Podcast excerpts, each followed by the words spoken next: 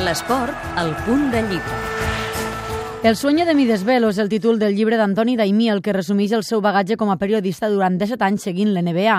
La diferència horària obligada per seguir la Lliga Nord-Americana queda perfectament reflectida en el títol del llibre que Daimí el s'encarrega de puntualitzar. Asimilable para todo tipo de gente, ¿no? Para gente que le gustara el baloncesto, por supuesto, que hubiera seguido mi trayectoria y le interesara saber cosas que a lo mejor, bueno, pues durante estos años no había descubierto, opiniones mías sobre jugadores, sobre equipos. Eh, también quería que no fuera un, libro, bueno, pues muy erudito en tema de baloncesto, es decir, que gente que no haya seguido la NBA pudiera sentir curiosidad por leer eh, otros muchos aspectos. I és així on entren els viatges, les experiències personals o l'anecdotari.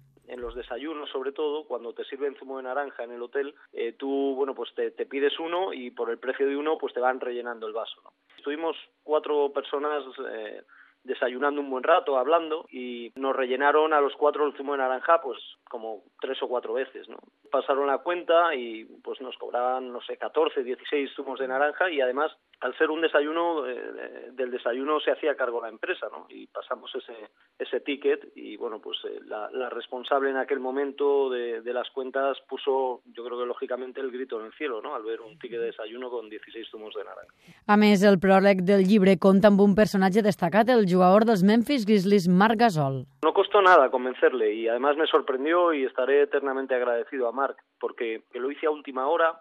Él estaba en, en un momento muy importante de su temporada, jugando, eh, le habían comunicado que no iba a jugar el All-Star y entonces yo se lo pedí con cierta premura pensando que me iba a decir que no. Y no solo no me dijo que no, me dijo que sí, pero además me, me contó que, que, le hacía especial ilusión hacer el prólogo, me pidió dos días eh, para escribirlo y a los dos días me lo envió por mail y, y, bueno, estava fantàstico. Editat per Corner, El sueño de mi desvelo el podeu trobar en les llibreries per uns 16 euros.